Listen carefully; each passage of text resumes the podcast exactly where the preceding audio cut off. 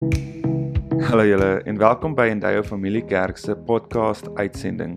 Ons missie is om 'n verskil te maak deur Jesus bekend te maak. Ons hoop ons boodskappe inspireer jou en trek jou nader aan God. Hy soek net jou hart. Geniet saam met ons hierdie boodskap. Hallo Endeavour familie, ek is so opgewonde oor vandag se boodskap en ek weet dat die Here vandag met jou gaan praat waar ook al jy ingeskakel is aanlyn. Maar voor ons vandag gaan begin, kom ons sluit ons oor vir 'n oomblik en kom ons vertrou ek dat die Here vandag met ons gaan praat. Kom ons sluit ons oë.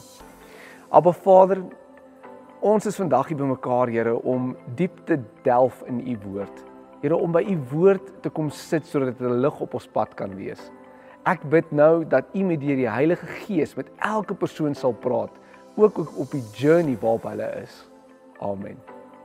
Daar's so 'n bekende liedjie wat ons as Afrikaners ken wat gaan ek se dapper meis kyk hoe stap ek deur die huis en daar's niks waarvoor ek skrik nie. En daai lied het altyd hierdie muis wat besig is om te stap en dan sê hy hoe vreesloos hy is en dat hy nie bang is nie. En dan in die volgende oomblik sê dit, maar wanneer wat gebeur as daar 'n kat is of wat gebeur as daar iets is? Dan sê die muis, "Oké, okay, hy's miskien bang vir dit, maar hy's bang vir niks anders te nie." Vrees is deel van elke persoon se lewe. Elke persoon was al in 'n situasie gewees waar hy gevoel het nou sy bang. Hy's bang vir die onsekerheid van hy weet nie wat nou gaan gebeur nie. Baie interessant, wetenskaplikes het gesê dat daar ons gebore word slegs met twee vrese. Die eerste vrees is 'n vrees om te val en die tweede vrees is 'n vrees vir harde geleide. Alle ander vrese wat ons in ons lewe beleef, leer ons aan deur die ervarings wat ons het in ons lewe. Maar God wil jy sê ons moet 'n lewe lewe wat vreesloos is.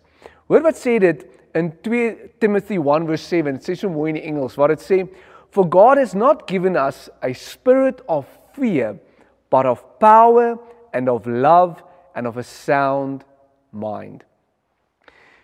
Nou ons weet dat daar verskillende vrese in mense se lewens is. Party mense is miskien baie bang vir spinnekoppe of party mense is bang vir slange of hoogtes. Maar deesdae is dit asof daar meer sentrale vrese is wat baie diep begin in mense se gees vassit. Byvoorbeeld 'n vrees vir ons land dat ons in 'n burgeroorlog gaan betrokke raak of 'n vrees dat ons nie suksesvol gaan wees nie en die ekonomie uitmekaar uit gaan val en ons half in hongersnood gaan in verval. Mense het deesdae verskillende vrese wat hulle koester in hulle hart en wat hulle dryf. Ander mense byvoorbeeld het miskien 'n vrees vir mense. Hulle hulle is die hele tyd besig om te dink, maar wat dink mense van hulle en hulle probeer net altyd ander mense in hulle lewe gelukkig hou. Maar God wil hê dat ons nie moet bang wees vir mense nie, maar dat hy juis deur sy gees in ons sal werk. En vandag gaan ons 'n bietjie praat oor wat is die Heilige Gees se rol in ons lewe wanneer dit kom vir ons om vreesloos te lewe. Nou die verhaal wat ons vandag gaan bespreek, is die verhaal van Gideon en Rigters. En ons gaan so 'n bietjie kyk oor wat het God hier gedoen om hierdie man vreesloos te maak. Nou so 'n bietjie historiese konteks wat hier gebeur het, kry ons in Rigters 6 vers 1 waar dit sê die Israeliete het weer dinge gedoen wat nie die Here se goedkeuring weggedra het nie. Daarom het die Here hulle 7 jaar lank in die mag van die Midianiete oorgegee. So wat hier gebeur het is dit Israeliete het weer verval in sonde en God het toegelaat dat die Midianiete die Israeliete boelie, dat hulle die hele tyd hulle onderdruk, hulle seermaak en dat die Israeliete in 'n plek van hopeloosheid verval het, 'n plek van vrees. Dit sê in Rigter 6 vers 2, die Midianiete het die Israeliete so wreed behandel dat hulle na die berge toe gevlug het waar hulle in die grotte en ander moeilike bereikbare plekke gaan bly het. So wat hier gebeur het is, hulle word onderdruk. Die Israeliete het hoop verloor. Ek kan onthou toe ek op skool was, was ek baie geboelie gewees. En ek kan onthou dat op 'n stadium was ek so jonk en ek was geboelie deur ouer kinders dat ek gaan wegkruip met pauses en in vrees begin lewe het elke dag wat ek skool toe gegaan het. En dis waar die Israeliete was. Elke keer wanneer hulle hulle self weer opbou, dan word hulle verslaan, gebreek deur die Midianiete. Miskien is dit waar jy in jou lewe is. Miskien is dit dat jy 'n besigheid weer begin, maar elke keer is dit asof iets verkeerd loop en dit voel vir jou jy word geboelie deur die wêreld, deur die uitdagings wat jy het. God is nog steeds met jou. Maar hier kry ons die geval waar vrees letterlik die hoop kom steel het van die Israeliete en hulle gebring het na 'n plek van vrees toe. 'n Plek waar hulle vrees oor die toekoms. Hoor wat sê Rigter 6 vers 11 wat gebeur toe. Daarna het die engel van die Here onder die eikeboom in Ofra gaan sit waaraan Joas die Abariet behoort het. Sy seun Gideon was besig om koring in die parskyp uit te slaan waar die Midianiete hom nie kon sien nie. Die engel van die Here het aan hom verskyn en vir hom gesê: "Die Here is by jou, dapper man." So hier kry ons vir Gideon waar hy besig is om weg te kruip vir die Midianiete. Hy's besig om met die koring te werk en hy kyk elke keer uit oor die draai om te sien maar is die Midianiete op pad. En 'n engel van die Here verskyn aan hom en sê vir hom: "Jou dapper man." Baie interessant. Hy's besig om in vrees te lewe, maar die engel sê hy is 'n dapper man. Ons kry vir Gideon waar hy bang is vir mense. En in mense se oë is Gideon ook hy's 'n muis. Hy hy's nie baie braaf nie. Hy's eintlik baie klein in hierdie wêreld. In Rigter 6 vers 15 hoor dit hoe Gideon weer terug sê. Hy sê: "Verskoon my, Here, maar hoe kan ek Israel red? My familie is een van die swakste in Manasse. Ek is die onbelangrikste lid in my pa se familie." So Gideon is die muis van die familie. Hy mense kyk neer op hom. Hy word selfs geboelie in sy eie mense. En tog sê God, ek sien potensiaal in jou raak. Rigters 11 sê hy duidelik, hy sê die engel van die Here het aan hom verskyn en gesê die Here is by jou, dapper man. So, wat gebeur in 'n mens se lewe sodat jy 'n plek van vreesloosheid los en waar God se gees kom en hy kom en hy maak jou dat jy kan sterk staan in die lewe en vreesloos die lewe kan aanpak.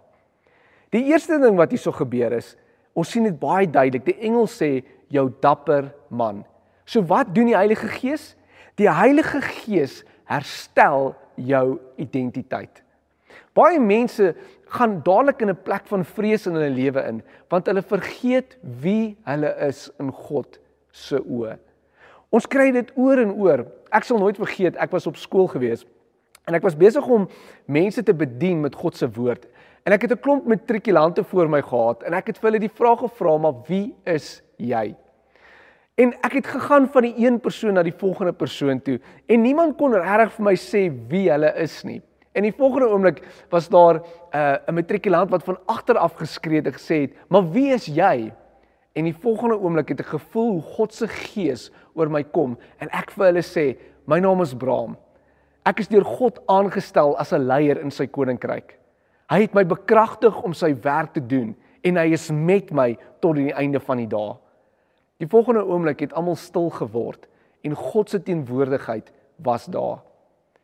Die oomblik as jy God se identiteit oor jou aanneem, sidder Satan in angs. Satan probeer altyd mense se identiteit van hulle af wegsteel, want hy weet as hulle besef wie hulle is, dan gaan vrees uit hulle lewe uitgaan en God kan hulle gebruik. Is jy besig om jou identiteit op te neem wat God vir jou gegee het? Verklaar jy dit?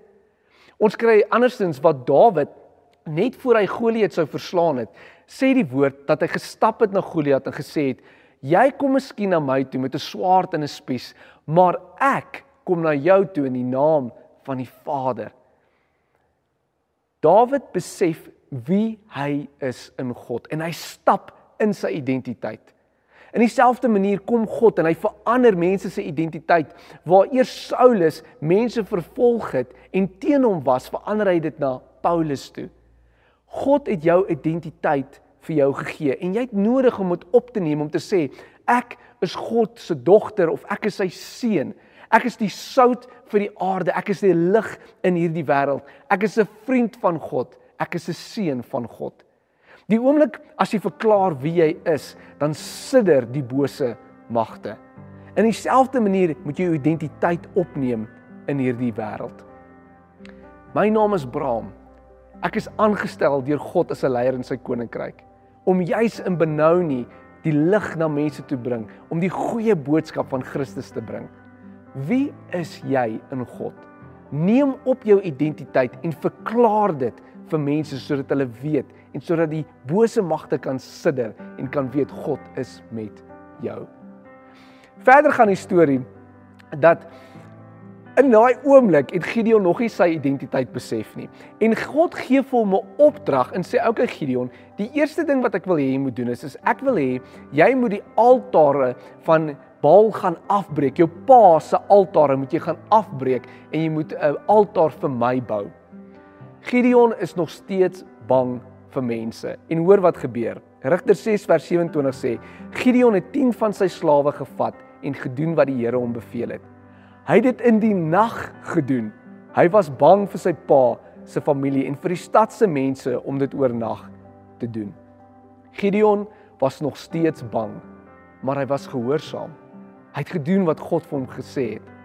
Maar almal was baie kwaad vir Gideon gewees en waar hy 'n muis voor die tyd was, was hy miskien nog iets erger gewees soos 'n kokkerot en mense wou hom net op hom trap om hom uitwis en hulle was baie kwaad vir Gideon oor wat hy gedoen het. So die vraag wat by my opgekom het is verder in die verhaal sê dit dat 30000 mans agter Gideon gestaan het om hulle vyande te verslaan. So wat het gebeur in in 'n oomblik dat hierdie persoon wat 'n muis was in mense se lewens, wat niks was nie, wat glad nie 'n leier was nie, dat al hierdie mense hom nou ewe skielik gaan volg. En wat toe gebeur het is ons kry in Rigter 6 vers 34 waar dit sê: Die gees van die Here het vir Gideon in besit geneem en hy het die ramshoring geblaas en die Abariete opgeroep om hom te volg. Hy het ook boodskappers vir Manasse, Aser, Sebulan en Naftali toegestuur en hulle opgeroep om hom te volg en hulle het almal bymekaar gekom.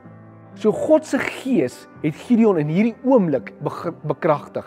God se gees het oor Gideon gekom en mense het na hom geluister want hy het in autoriteit gepraat. Hy het oorlog uitgeroep.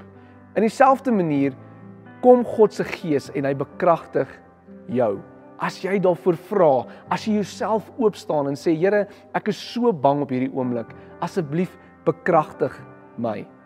Rigter 6 vers 15 sê dit baie duidelik. Dit sê toe draai die Here na hom toe en, en sê: "Gaan in hierdie krag van jou en verlos Israel uit die hand van die Midianiete."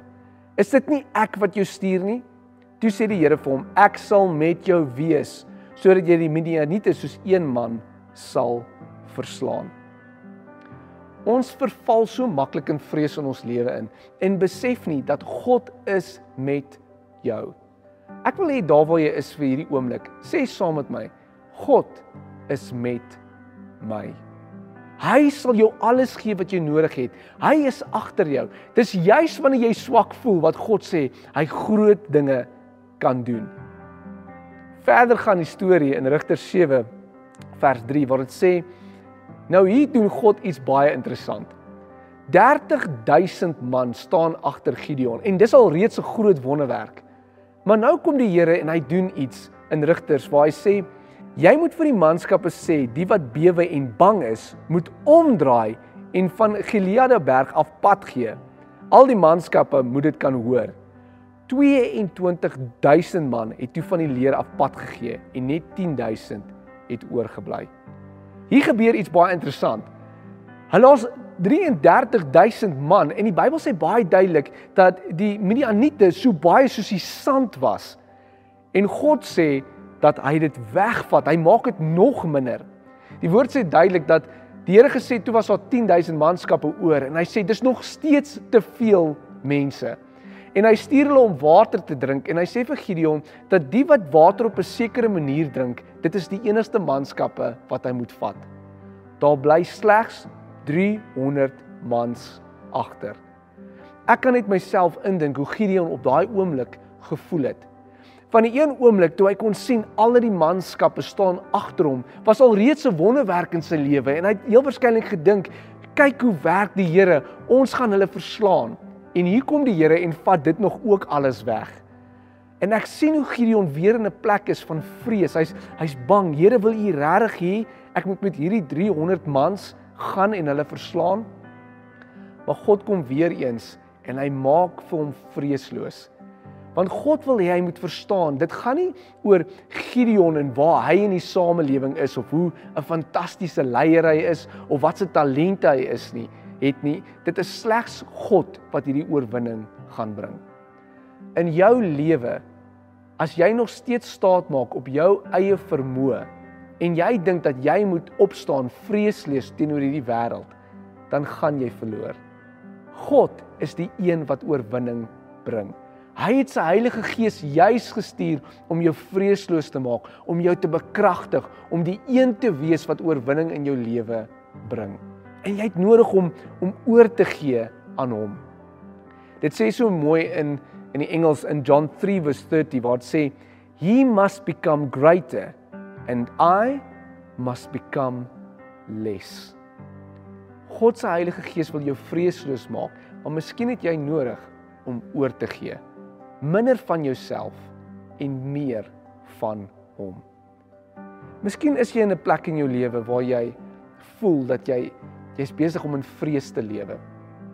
Ek wil jou 'n storie vertel. Ek sal nooit vergeet nie, ek doen 'n uitreik daarso by die gangs in in die Kaapse flats. En uh, ek bevind myself in 'n situasie waar ek alleen op die straat stap en ek weet baie mense sê onmiddellik dis nie baie slim nie. Maar die volgende oomblik toe val 'n gang my aan en hulle druk 'n geweer teen my kop en hulle sê hulle vat al my besittings en hulle sê as ek sou omdraai en na hulle kyk dan skiet hulle my dood. Die volgende oomblik voel ek hoe God se Heilige Gees oor my kom en ek absoluut vreesloos staan en sê ag as julle wil is dit fyn as julle my skiet. Ek weet waartoe ek op pad is.